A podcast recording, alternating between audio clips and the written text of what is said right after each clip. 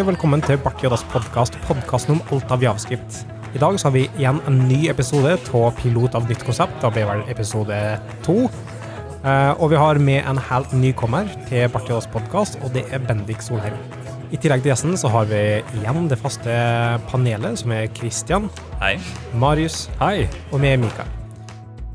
Så Bendik, velkommen til Bart Joddas podkast. Eh, kan du forklare litt om deg sjøl, eller fortelle litt om deg sjøl? Ja, først uh, tusen takk for det. Um, litt om meg sjøl. Jeg ja, jeg er jo utvikler som de fleste andre som er med her, kanskje. Jeg tror samtlige vi har hatt eh, på podkasten, har vært utviklere. Ja. Eh, så ja, nei, jeg er en type utvikler som eh, trives på det her og der. Frontend og backend, og jeg har ikke så veldig mye liksom, preferanser sånn sett i språk. Jeg liker meg litt uh, overalt. Apropos å like seg litt her og der, eh, kanskje vi skal bremse et litt øyeblikk og forklare hva det er som egentlig skjer i dag. For det er så sinnssykt med bakgrunnsstøy, og det pleier det ikke å være på den podkasten her. I dag har vi samla en stor gjeng og trykt dem inn på rommet der vi vanligvis bruker å spille inn podkast. Sånn det er den eneste måten vi vet å, å skape bakgrunnsstøy på. Å skape rolig, god stemning. Vi skaffa folka. Ja, Ja, for de er leid, ja. Alle er leid. ja. samtlige. Nei, eh, realiteten er at vi sitter på WorkWork her i Trondheim. Eh, en uteplass for dem som ikke kjenner det. med. Så er en slags eh, Kan du si at det er en, en Kanskje en slags nerdete uteplass, kan vi kalle det? Definitivt Det er en nerdete uteplass. Det er eh, fokus på spill. Det har en hackheim, som, altså det er en hackheim her, som er en sånn møteplass for å sitte og holde på med hardware-ting og leke seg med, med teknologi. Det er fullt av pinballmaskiner, det er showback rundt her.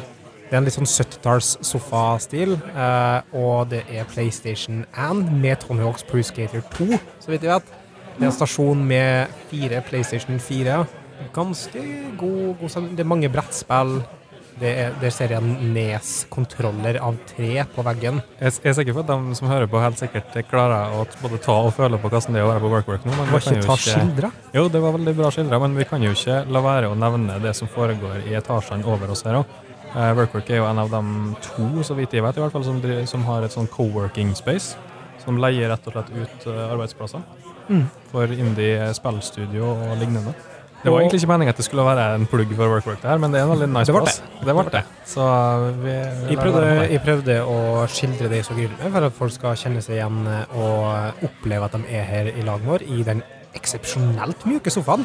Jeg føler et veldig fint bilde på eh, den plassen her er er TV-serien That's That 70's Show. Er det det heter? Jeg tenkte du skulle referere til Syv søstre, som òg var en ganske bra serie.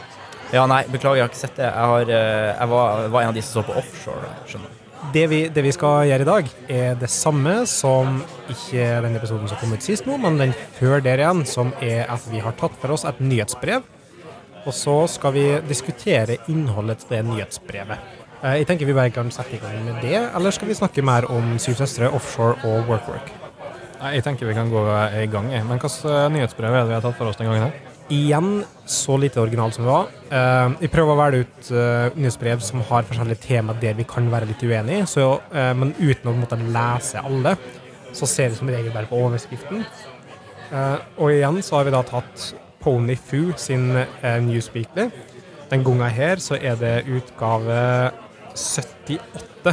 Og tittelen på nyhetsbrevet er Javascript and the CSS Engines, PVAs, drag and drop, Web Components og HTTP2 Ponyfoo Weekly. Um, så jeg, jeg tenker vi kan, jeg kan lese litt kjapt over titlene, eller skal vi bare sette i gang?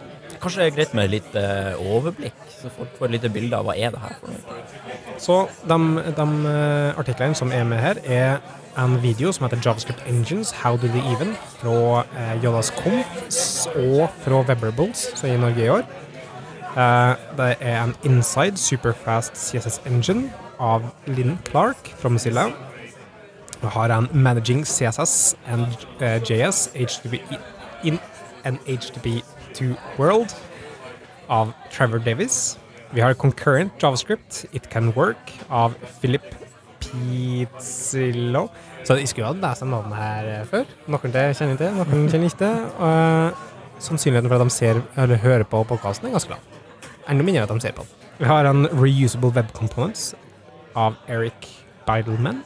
Vi har A Progressive Roadmap for Your Progressive Web Jason Grigsby. Og vi har gain motion superpowers with request animation frame, creative techniques for writing modular code, og how do you separate React components, og sist, men ikke minst, eller kanskje minst, jeg vet ikke, rethinking Rag and drop.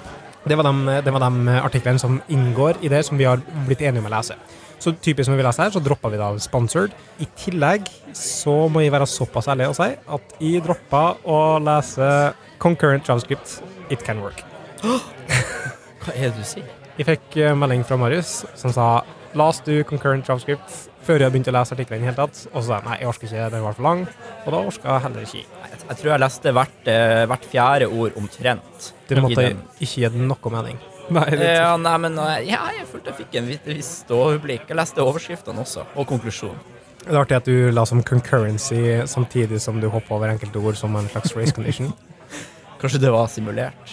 I Hjernen min så spilte meg et puss. Men med andre ord, jeg har egentlig ingenting jeg skulle sagt om den artikkelen. Men er det noen som har noe artikkel de har lyst til å peke ut, som de syns er nevneverdig? Det er jo flere av dem her som er, var interessant. Kanskje en jeg har lyst til å trekke fram, er Inside Superfast CSS Engine, Quantum CSS, eller som det nå er kalt, Stylo. Stylo. -hmm. Jeg er litt usikker på hva de egentlig kaller den for, om det er Quantum CSS eller Stylo. Er det noen som fikk med seg det? Jeg, jeg tror eh, tingen er at eh, de holder på å bygge om selve enginen sin, og så den delen som, de, som hun beskrev nå, er Quantum, som er en del av servo-tingen, eller stylo. Ja, for det her er jo Firefox, eller Mozilla, sitt forsøk på å lage en bedre CSS-motor. Og det er i sånn eh, på overordna nivå trukket ut fra artikkelen, er jo at de har, eh, som du nevnte, den der servo-greia si. Og så har de i tillegg til det tatt inspirasjon fra flere andre nettlesere for å optimalisere sin egen motor. da.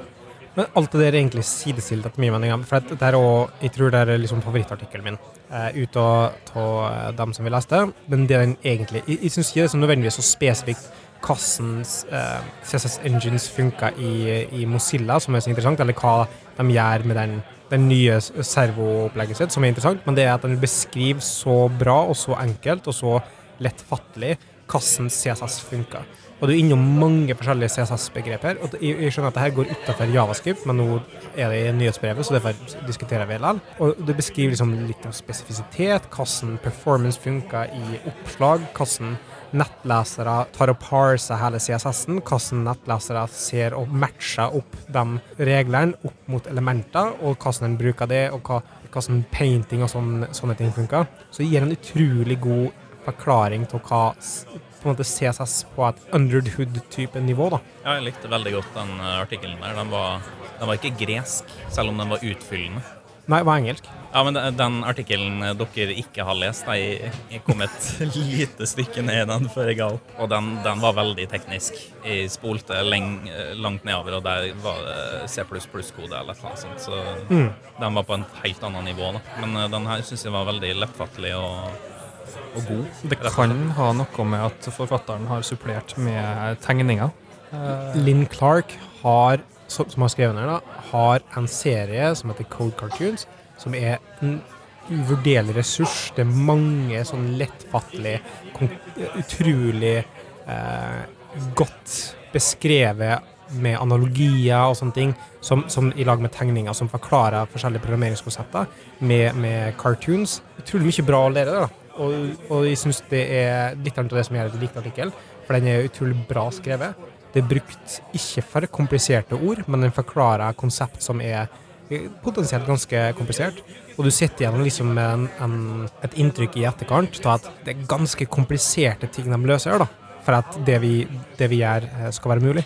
CSS virker jo kanskje ganske uviktig sånn egentlig da, i, i en hverdagssammenheng, men, men eh, når du sitter og leser det her, så får du et inntrykk av at ganske store mengder folk som bruker ganske mye tid på at en nettside skal rendres på en finest mulig måte for meg. Jeg, fikk, jeg synes det var litt sånn, eh, jeg fikk sånn merkelig følelse med, da jeg leste det. Ja, Men du likte den? Ja, jeg likte den absolutt. absolutt. Eh, Fine tegninger som, som ble sagt her.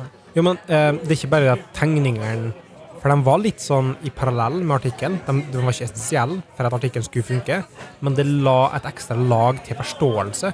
Det var fine analogier, og det var eh, på en måte en egen forklaring i bilder som supplerte tekstet ganske bra. Så det gjør at selv om det er CSS og ikke så mye javascript per se, så syns jeg det var en utrolig bra artikkel som, som jeg ville anbefalt å lese. Liker også veldig godt at uh, de faktisk velger å skrive om dette.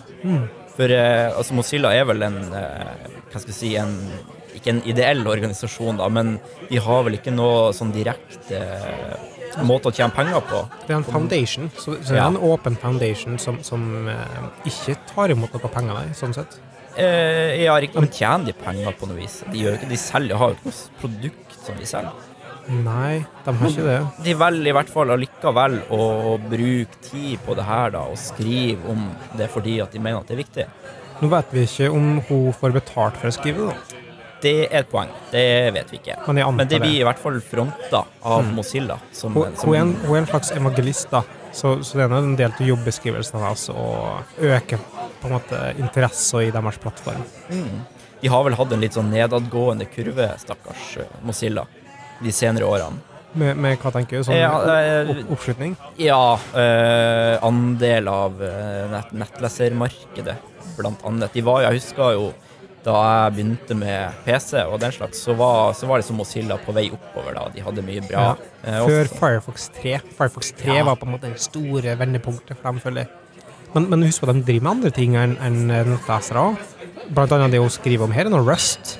Og det er noe Ja, Silda som heller. Ja, det er absolutt sant. Eh, så Rust er nå da nå, nå er vi ganske på tynn is, eller eh, jeg vet ikke hva dere er, men jeg er i hvert fall på tynn is med jeg at Rust er en slags eh, server concurrency-språk som en slags erstatning til å se, som skal kunne eh, håndtere det med, med parallellitet på en mye bedre måte. Det, det refererer jo litt til i artikkelen her, og snakker om at Rust, som de har nå skrevet om eh, mye av motoren til, lar dem ha statisk håndtering av forskjellige parallelle tråder, som gjør at de kan være sikre på at de unngår race conditions i, eh, i måten som gjør at de blir raskere og ha CSS-parsinga, fordi at de kan kjøre parallelt. Ja, ja, for det var jo en del av artikkelen snakka jo en, en del om eh, at, at dette problemet med, med CSS-parsing og CSS generelt er veldig parallelliserbart.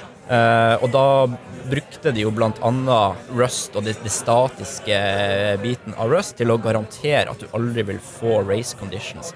Det syns jeg var veldig interessant, og jeg har aldri vært borti akkurat det når det gjelder sterk type av språk og statisk eh, type av språk. At du kan, at du kan garantere Det er eh, ingenting i statisk typing av selve språket som gjør at du kan sikre det på en sånn måte, er det da? Jeg er veldig usikker, altså. Så, så det her må nok være en slags abstraksjon av selve paralleliseringa som gjør det. Nå syns jeg totalt unna peiling på noe jeg snakker om, men det artikkelen gjorde, da, er at de blir mer interessert i å lære om Rust. Absolutt. Og, og jeg ble mer gira på Firefox. Veldig bra. Det liker jeg. Jeg er en, eh, en Firefox-mann i, i mitt hjerte, altså. Hva er du i praksis, da? Firefox-mann. Ok. Så både i og utenfor mitt eget hjerte Ja. er Firefox-mann. Praktisk, da. Ganske Så bruker jeg Firefox. Da bruker jeg Firefox. Men syns ikke Firefox er, har dårligere DevTools. Jo, de er helt elendige. De har Eh, nettopp skrevet om hele DevToolsen sin. da. Ja, det er ikke, det er ikke derfor eh, jeg bruker de. Det, altså, det er jo en, en, den ideelle eh, det, delen av mitt hode som gjør at jeg har valgt å bruke Firefox. Ja. Fordi at det, det er helt åpent. Det er ikke et stort eh, kapitalistisk firma som står bak, og som, som samler inn dataene mine uten at jeg vet det. Og sender ut, ja. Eh, Det var vel det som gjorde at det Men så har de òg en fantastisk eh, plugin som heter Vimperator, som du blir helt avhengig av etter å ha brukt den. Som gjør Uh, ja, det er et godt poeng. Den gir deg, den gir deg VI keybindings i nettleseren. Her uh, Vingreia kan vi få så velta med. Jeg har hørt- jeg at det er Emacs som er tingen i Ja, men du må ha eh, med evil mode. Ok. Ja, da ordner det seg. Jeg kommer til å, å framprovosere diskusjoner for å få folk til å få meg over på Emacs igjen. Og jeg har nok med å kjempe unna de eh, evangelistiske kreftene som allerede er i gang. Vi prøver vårt beste. Eh, tilbake til artikkelen.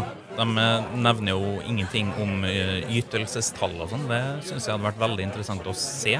For eh, Ja, jeg ser den.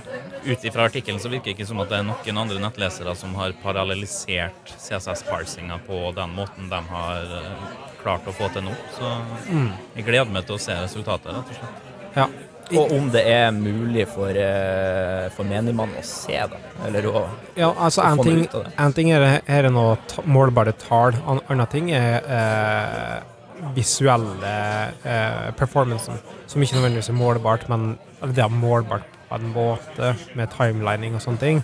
Men det, eh, hvis det føles raskere, som, som, som for et CSS, og hva hvor kort tid det tar før ting blir i ordentlig form. Det kan potensielt ta lengre tid målbart, men hvis det føles raskere, så er det bedre, på en måte.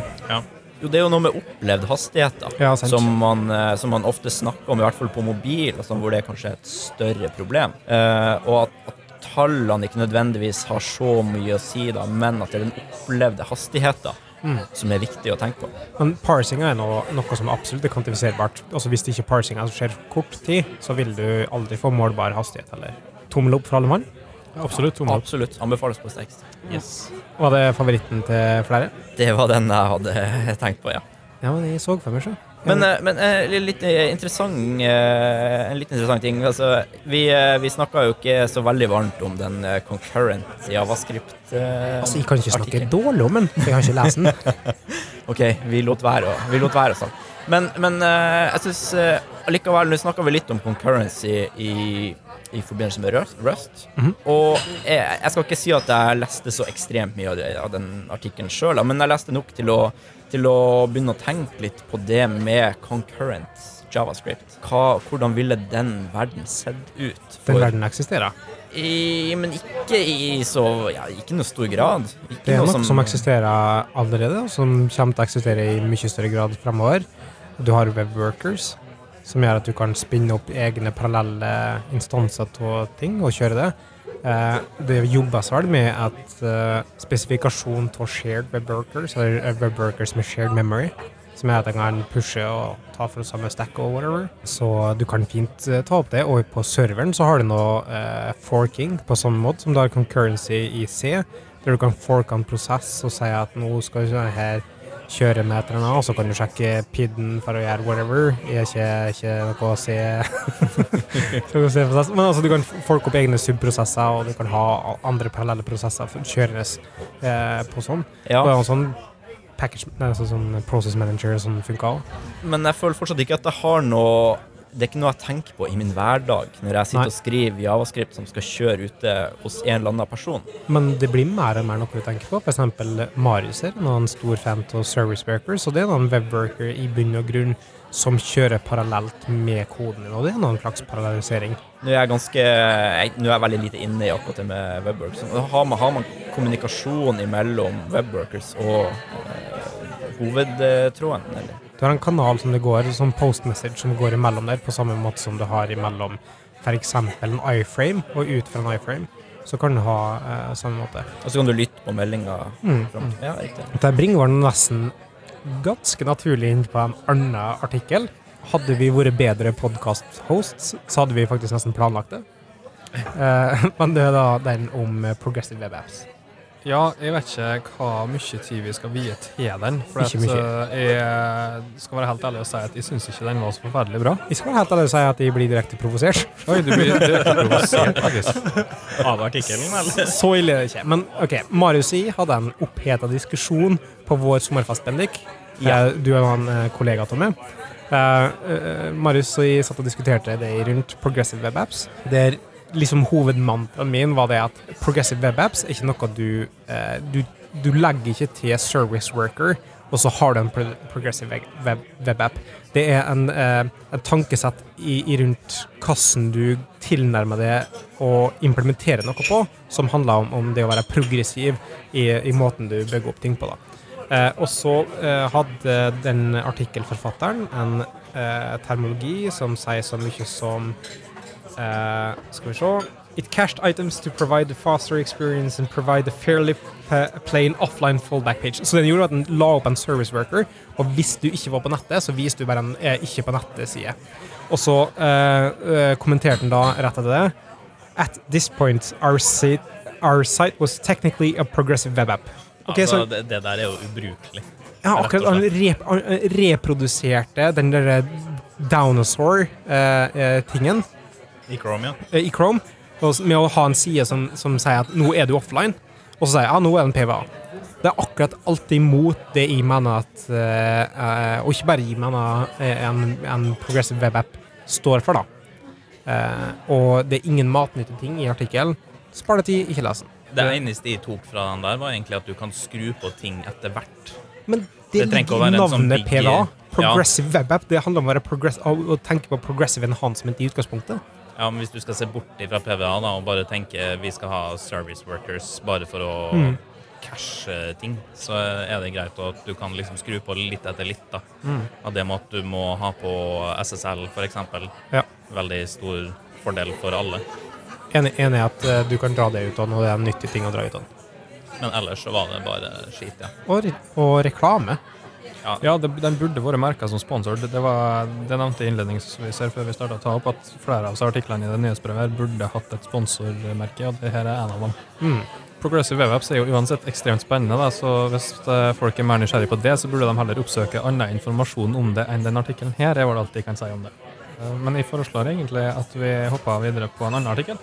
Den som er litt interessant å høre om, i, i mitt haug så har jeg klassifisert Christian og Marius som Google eh, Boys. Google Boys. Google Boys På grunn av på grunn av Angler. Flott term. Google boys. Google Boys. I'm a Google boy. OK, ja, vi forteller meg mer. Um, nei, altså det, det kommer fra samme teknologibanken som, som Google, og da, da, liksom, da snakker jeg om, om eh, web components.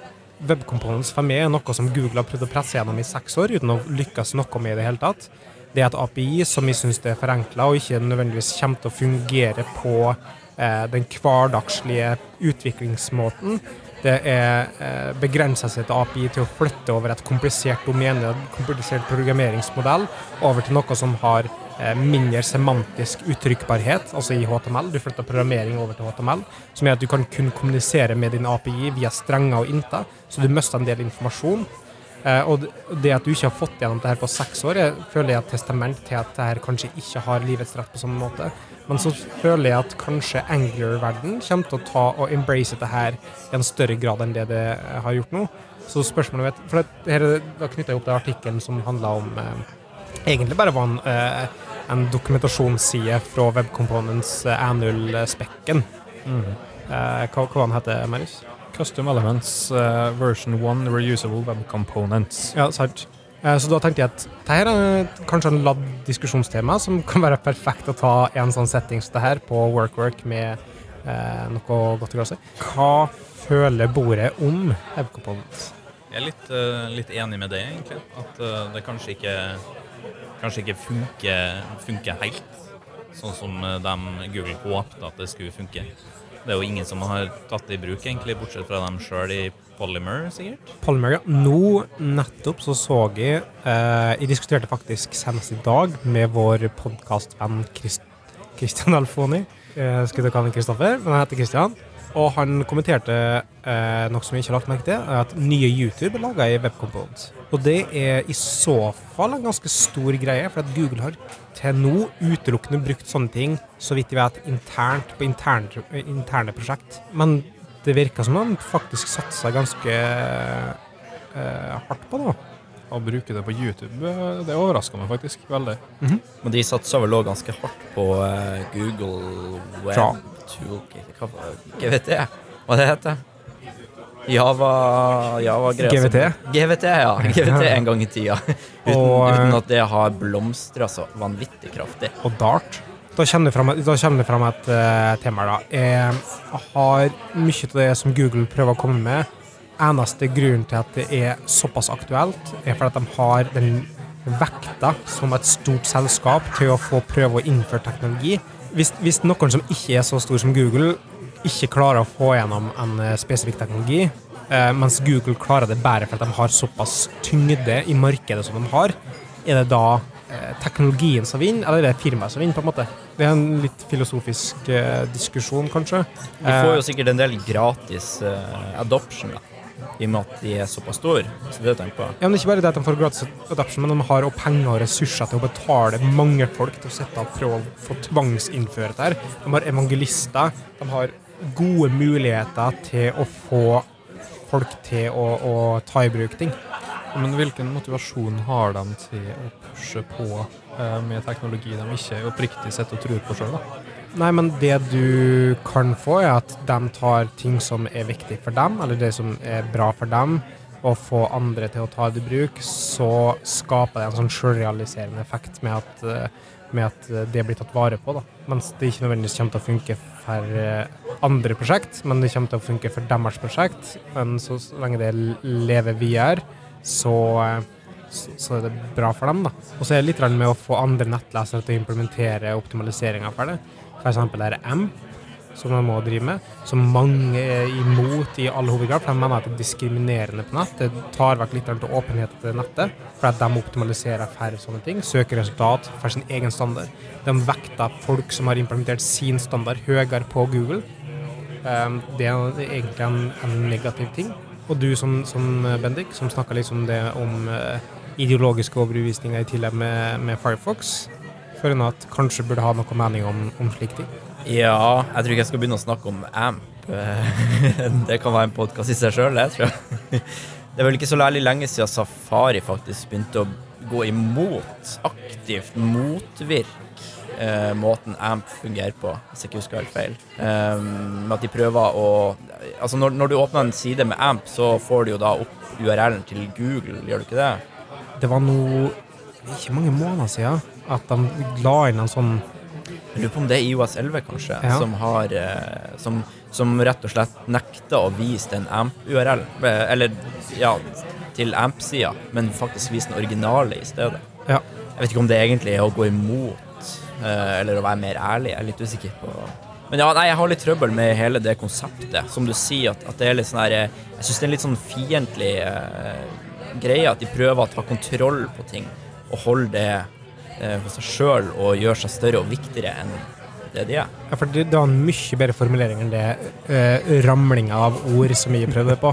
For det er det det handler om. da. Det handler om å ta markedsandel, og enten det er med betalende kunder, men de, det er vendorlocking som gjør at folk bruker flere, mer av deres eh, teknologier. Og dere, dere tror ikke at de lagde det her for å prøve å drive weben litt framover? da? Fordi at de så at nettsida blir bare tyngre og tyngre og mer og mer javascript og sånt å laste, og så fant de på et eller annet for å gjøre, gjøre det slik at du kan lese artikler på Facebook så fort som overhodet mulig. Altså, jeg, jeg sitter jo ikke og tror at, de er, at Google er liksom utelukkende ond eh, i sjela, da. De- det ville vært litt rart. Men De har fjerna slagordet sitt, som er 'do no evil'. De, de hadde 'do no evil' før, nå har de ikke lenger. Ja, men, men altså, jeg tror jo Det, det har jo eh, Det har jo absolutt noe for seg også, for det er jo, det er jo absolutt et faktum at en, det, har vært, det blir mer og mer bloat. Mm. Man, man forsker mer og mer sant, eh, på eh, kule features på nettsida og hiver på masse rart, og så blir det mer og mer bloat. Det tar lengre tid å laste. Så er det sikkert eh, en, en fin tanke bak det, men jeg føler at det er så feil, feil måte å angripe det på. I stedet for å hjelpe folk til å lage nettsidene sine bedre, så, så, bare, så kommer de med en sånn gavepakke sånn Hei, ta, ta og implementer det her, så, så ordner alt seg. Jeg, føler at nå diskusjonen har gått over til AMP og ikke WC. Eh, jeg er enig i det det med AMP, for det skaper dem og trafikk på sin søkemotor som gir dem faktisk gevinst i eh, annonseverden, som er på en måte der de får kjernevirksomheten sin fra. Så det var det kanskje mer eh, suspekt enn selve web components, da. Ja, for, for å dra litt mer tilbake til, eh, til web components, så, så drev jeg og leste en del på Det var jo mye kodeeksempler i denne artikkelen her, da. eh, og leste litt på det, og jeg, jeg har litt sånn trøbbel med Det virker som at det innfører en del, en del fallgruver, litt sånn komplekse ting. Som blant annet så eh, er det, det er jo Javascript som definerer opp disse komponentene du kan bruke, hvis jeg skjønte riktig. Og så er det sånn at tida fra hele dommen blir bygd opp, og sånn, og, eller eh, HTML blir parsa og sånn, til Javascript har klart å definere denne komponenten, Ja, så lever hele Ikke diven din, da, men komponenten lever i en sånn, eh, sånn rar state. Du kan, du kan ha en, en type din customized eh, versjon som extender en basefunksjonalitet i HTML, og inntil du er ferdig å laste javascripten, så lever den som den baseelementet. For eksempel, du kan ha en button, Og når javascripten kommer, så blir det om til en fancy button, som han kalte det. Ja. Så, og da blir den definert. Ja, og det sto, jo, det sto jo litt om at det der var et sånn eh, Hva skal jeg si, det, det måtte tenkes på. Men, men, eh, men den, jeg syns ikke den forklarte noe godt rundt ok, hva skal vi gjøre med dette, hvordan skal vi løse dette. Er det noe vi kan gjøre med det, eller er det bare sånn nei, det må vi også ta hensyn til. Så jeg har litt, jeg har litt trøbbel med, mm, med hele den greia der. da. Jeg syns det virka ekstremt komplekst i forhold til hva jeg kanskje føler at det gir meg. Det som mange har snakka om, eh, er at dette kan være et godt lag for interoperabilitet imellom, imellom bibliotek. da. Så eksempel det at eh, Angler kan snakke med React, eh, og React kan snakke med Angler gjennom det her, for det er en standardisert kontrakt for å kommunisere og, og passe data. Som tilbake til det jeg sa innledningsvis, det med ints og, og stranger, så, så kan du på en måte kommunisere med det, og det er en primitiv kommunikasjonsmåte eh, måte som gjør at eh, det kan bli kompatibelt på tvers av forskjellige sånne løsninger. Og da kan det hende at det har noe å ferse. Og sånn som React, så vidt jeg vet, så støtter det allerede å ha web components som løvnoder. Det er bare å outbytte en eller annen slags custom component eh, som kommuniserer på den måten. Og jeg antar at Angler, som nå med sine directives eller eh, Nå har jeg ikke testa det her, da, men eh, altså, i sin tid, når de skrev Engelur 2, så la de jo på denne bracket-syntaksen og sånn i HTML-en, delvis på grunn av at de skulle støtte web components. mm. Så, så de har tenkt på det når de utvikla Engelur 2 da, i, i sin tid. Eh, Hvordan det går nå, det vet jeg ikke, men jeg antar jo at det fungerer like godt som React. da. En ting som slår meg òg med den eh, webkomponenten her, er at de driver og snakker om det at eh, det er bare eh, DOM-operasjoner, og det er eh, klasser som extender de andre, og, de har basisfunksjonaliteten til HTML som gjør at det kan funke i HTML sånn som HTML er. Men det er òg måten webcomponents blir brukt på, via Polymer og sånne ting. er Polymer er et supersett av webcomponents, for at webcomponents i seg sjøl ikke nødvendigvis er nok til å lage komplekse applikasjoner sånn som de ønsker at det skal være. Så de ofte ender opp med å lage en sånn egen DSL i eh, selve HTML-en som spesifiserer opp en eller annen slags programmeringsspråk i HTML-en med, med attributes som parses til en eller annen verdi. Og det ender opp med at hvis du sender inn objekter, så sender du det som strenger som må parses på output og osv. De, de ender opp med å kompensere utrolig mye med at det er et eh, De prøver å uttrykke mer enn noe som er mulig i et, et markup-språk. da. Så de prøver å få inn programmering i markup. Og da føler jeg at det er noe som lukter allerede der, da. Og det, er en sånn broken window theory-opplegg. da.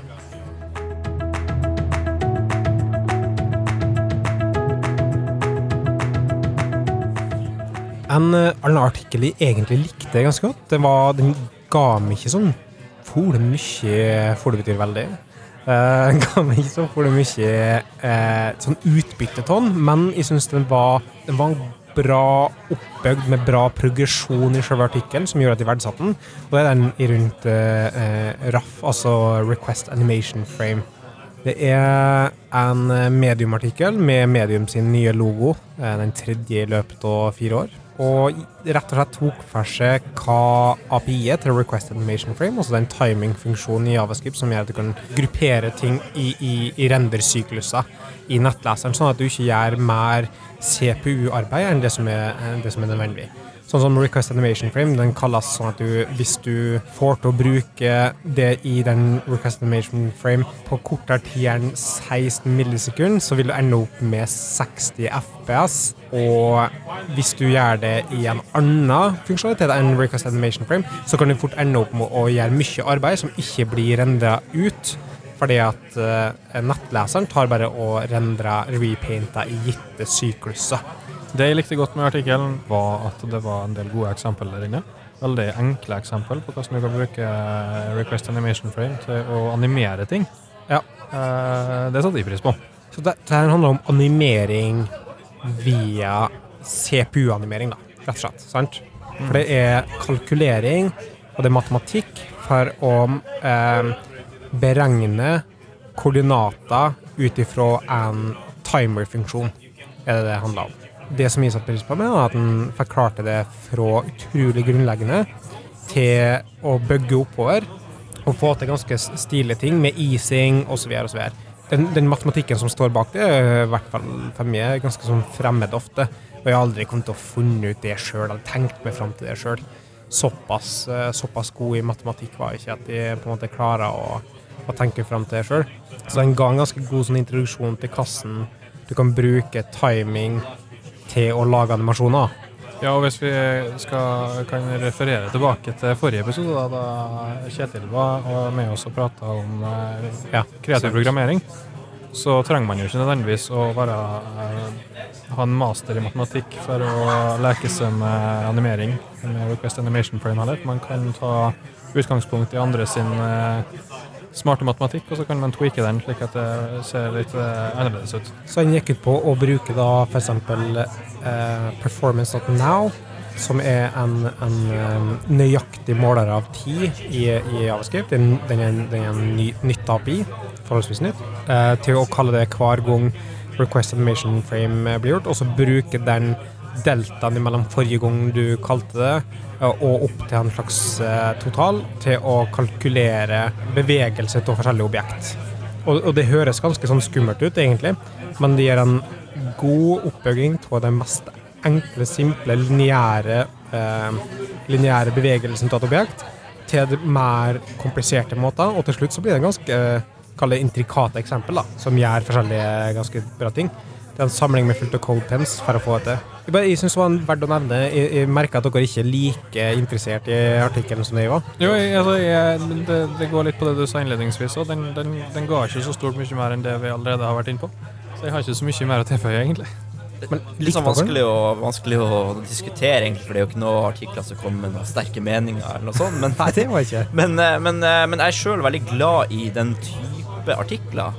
Artikler som der du etterpå ikke nødvendigvis igjen med ekstremt mye nyttig kunnskap, så dette kan jeg ta med meg på jobb i morgen, da kan jeg sitte og gjøre det og det, liksom. Men så kan gi meg et dypere innblikk i hvordan fungerer egentlig det her, da. Altså vi, alle som har, eh, ikke alle, men, men hvis man har lekt litt i nettleseren og, og koda nettsider og litt sånn, så har man kanskje vært borti animasjoner, eh, om så bare enkle animasjoner, og det, det virker kanskje litt sånn magisk, fordi at det, man, man slenger bare på en eller annen CSS-property eller noe sånt, mens her viste det faktisk hvordan er det dette funker. Og det er ikke så veldig komplisert, som du sier.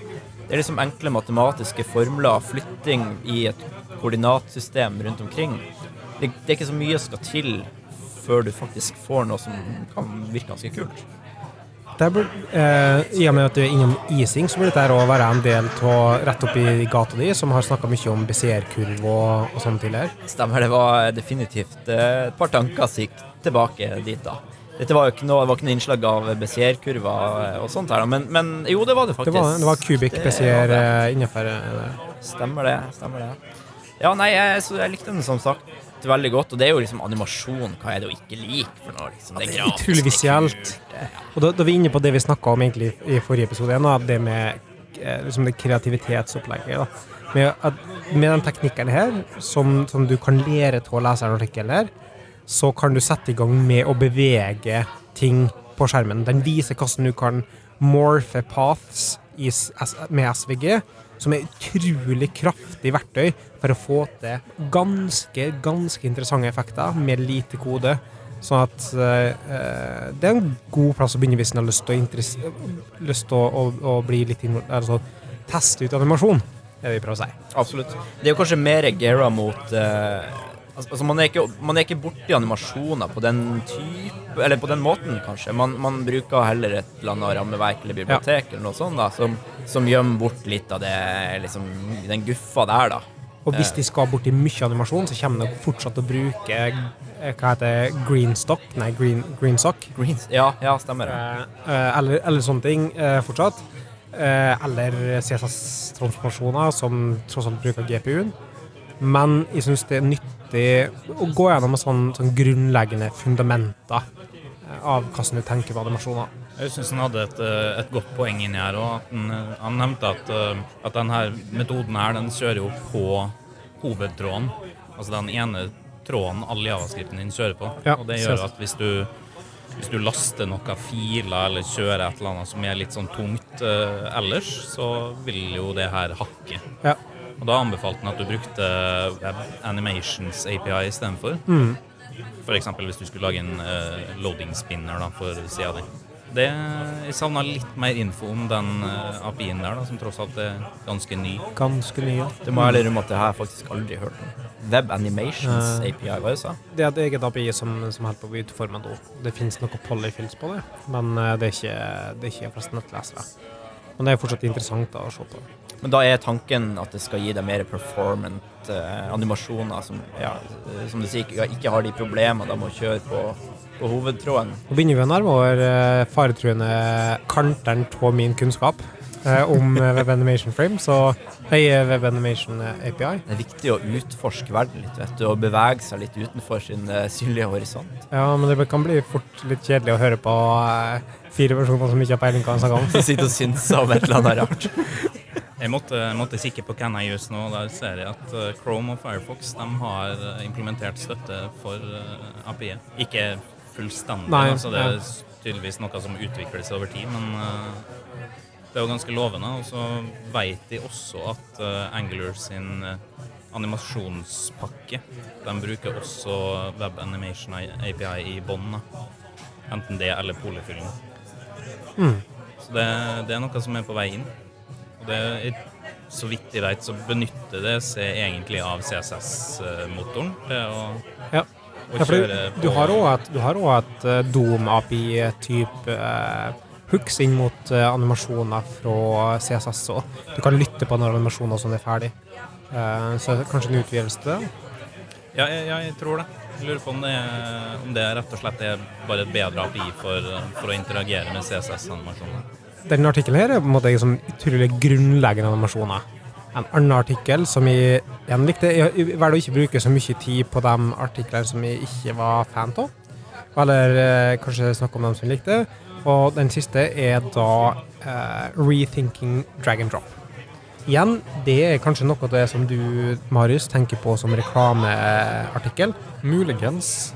Uh, men det, det var ikke like innlysende igjen for meg. Men er, jeg, ser- jeg ser hva du mener med den. Det er da Atlassian som beskriver et bibliotek som man laga, som heter React Beautiful DND. Uh, og det er ikke da Dungeons and Dragons. Ikke Dungeons and Dragons. Do not disturb. Ja, stemmer. Beautiful Do Not Disturb and Drag and Drop. Så, men, men de har laga det biblioteket. Eh, og så tar de for seg forskjellige grep som de tenkte på for å lage det biblioteket. Som eh, hvordan animasjonene så ut, altså hva naturlig så de ut. De tok for seg hvordan de har utforma eh, selve opplevelsen av det, hvordan det funka med tastatur osv. Og, og det, grunnen til at de likte artikkelen, da, var for at for det første så er den ganske bra skrevet, så den er naturlig og god å lese. Samtidig så syns de de legger vekt på ting som viser til meg at de har tenkt gjennom det de lager. da. Det er mye tanke som ligger bak det, det er mye prøving som ligger bak det. De har lagt mye hånd, håndverk i det de lager. Og det er på mange måter, hvis du ser vekk fra det konkrete de diskuterer, som er det at de lagde det biblioteket, så ser de gjennom det, og, og så syns de skimter på en måte et konsept om hvordan du kan gå fram for å lage vellaga bibliotek, da. Med å tenke på de typer her. Bare nevne ting som sånn performance, de nevner hvordan de designer API-et sitt, osv. osv. Artikkelen fikk meg vel egentlig til å føle at det er, veld, det er ekstremt mye tenking som går inn i veldig gode produkt eller løsninger. da. Eh, som, som eksempel de nevner det som heter for sloppy click. Ja. Eh, det syns jeg var veldig spennende. Liksom, for når du da skal drag and droppe, hvordan skiller de på at du trykker på elementet, og at du har planer om å faktisk eh, drag and droppe det, og ikke vil gå inn på den lenken som det går til. Sånne ting som jeg ikke hadde tenkt over, med mindre den artikkelen her hadde introdusert meg for det. Så Og det får en til å tenke at øhm, det er litt, litt med den diskusjonen rundt dependencies og lage ting sjøl. Og ofte så får det til å lage en naiv implementasjon til ting sjøl, som funker i mange tilfeller. Men du klarer ikke å bruke like mye ressurser og tankekraft på å lage noe som er så veldesigna som det her. da. Og i enkelte tilfeller så er den mest naive approachen godt nok med tidsbruk, og i andre tilfeller, hvis det er en sånn kjernefunksjonalitet på applikasjonen din, så kan det gi mening å bruke noe som er etterprøvd og prøvd på den måten her. Ja, for det her, eh, Så vidt jeg har forstått, så er jo denne drag and drop-funksjonaliteten inkludert i Trello-løsninga deres. Tror Jeg vet ikke om de har gått over til det, men Atlassian har i hvert fall kjøpt opp Trello. Ja, Så det gir ganske mye mening at det blir brukt der. Det er vel et lite eksempel også lenger ned, der de har en eh, De har noen sånne kort, da. Det er vel, er vel egentlig eksempelet i hele, hele greia jeg tenker på. Eh, men jeg, jeg liker veldig godt Jeg fikk en del sånne aha-opplevelser da jeg leste denne artikkelen. Eh, for, for du ser jo en, du ser en eller annen animert gif helt i starten av hvordan, hvordan dette funker, hva er det for noe. Og etter hvert som jeg leste ned gjennom, så kom jeg over liksom flere punkter som, der jeg fikk sånn Jaha, riktig, det stemmer faktisk det. Som eksempel eh, når du flytter et element opp og ned, drar et element opp og ned, hvordan animasjon eh, er bygd på fysikken som vi kjenner den. Ja. Eh, og at man har tenkt på sånne ting. Da. Og det er litt sånn, jeg, jeg syns det er en veldig fin tanke, da, at man, man faktisk tar seg bryet med å tenke på de små tingene òg.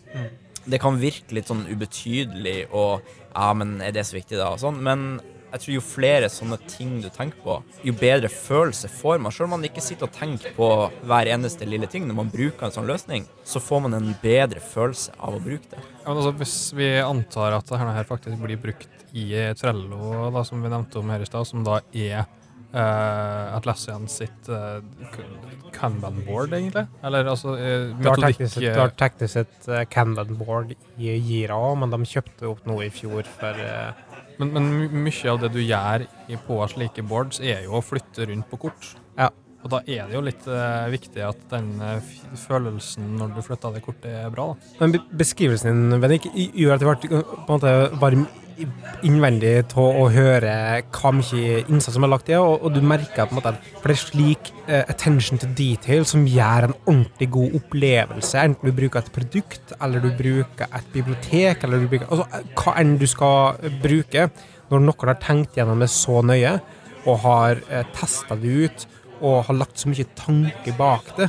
Det blir så positivt alltid rundt òg, da. Og, så, og, så derfor jeg snakka om det, Marius, at, at det kanskje var sånn salgsgreie. For at for min del så funka det her som at jeg har aldri egentlig likt Atlassian noe særlig, men etter jeg leste artikkelen her, så tenkte jeg han søkket da. Atlassian-folk er ikke stille. Nå som teknologi har blitt så allstedsnærværende, eh, så tror jeg nok det er veldig eh, Jeg flirer ut av uttrykket mitt her nå. Eh, så tror jeg nok det er veldig mange gode løsninger som rett og slett bare blir oversett fordi at du interagerer med dem hver eneste dag, og de funker. Og det er de dårlige løsningene som blir dratt fram i lyset, og som vi blir sittende og diskutere. Men det er, sånn, det, det er tingen med at attention is in the detail, og det her virkelig på en måte drar fram detaljene til ting. Og det er det som skiller Clinton fra Vieten. Jeg får litt uh, sånne assosiasjoner til uh, material design. Fra Google. jeg er så lei av material design. Nei, nei, nei. Der, der er jo alt backa med fysikk og eh, Alt er designa for å se ut som Google. Nei, Jau! det er jo ikke det. Det er nå det.